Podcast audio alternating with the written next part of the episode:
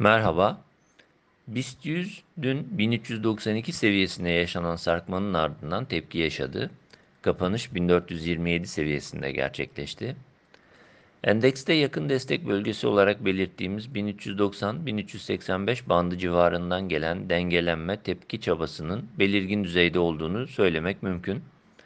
Bununla birlikte BIST 100'de 1430-1440 bandı üzerine geri dönüş sağlanması durumunda ancak saatlik periyotta yeni bir iyimserlik sürecinden bahsediyor olacağız.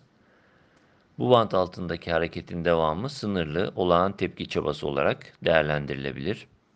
1390-1385 bandı üzerindeki tutunmanın devamını beklemekle birlikte bu seviye altına yaşanacak bir sarkmanın aşağı eğilimi daha da belirgin hale getirebileceğini ve bu defa 200 günlük ortalamanın da bulunduğu 1365-1360 bandına yönelme yaşanabileceğini söyleyebiliriz.